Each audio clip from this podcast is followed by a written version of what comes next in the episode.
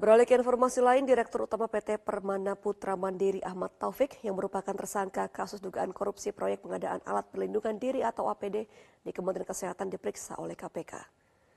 Ahmad Taufik tiba di gedung KPK seorang diri dan langsung menjalani pemeriksaan. Usai menjalani pemeriksaan selama 12 jam, tersangka bernafas lega karena diperkenankan pulang dan tidak ditahan penyidik. Saat dikonfirmasi awak Metro TV, tersangka tampak enggan berkomentar banyak. Tersangka meminta wartawan menanyakan langsung kepada tim penasehat hukumnya. Dirinya hanya membenarkan dicecar oleh penyidik terkait proses awal pengadaan APD dan penanggulangan COVID-19 yang bernilai 3 triliun rupiah.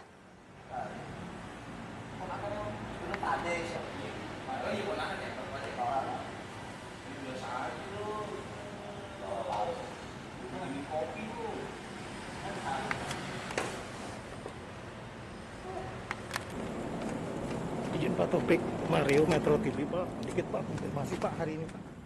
Izin Pak, kan tidak substansi pemeriksaan Pak. Ya nanti kalau aja Pak, nanti jelasin lawyer ya. Ada lawyer Bapak, Iya, iya. tapi hari ini nggak dampingi dia?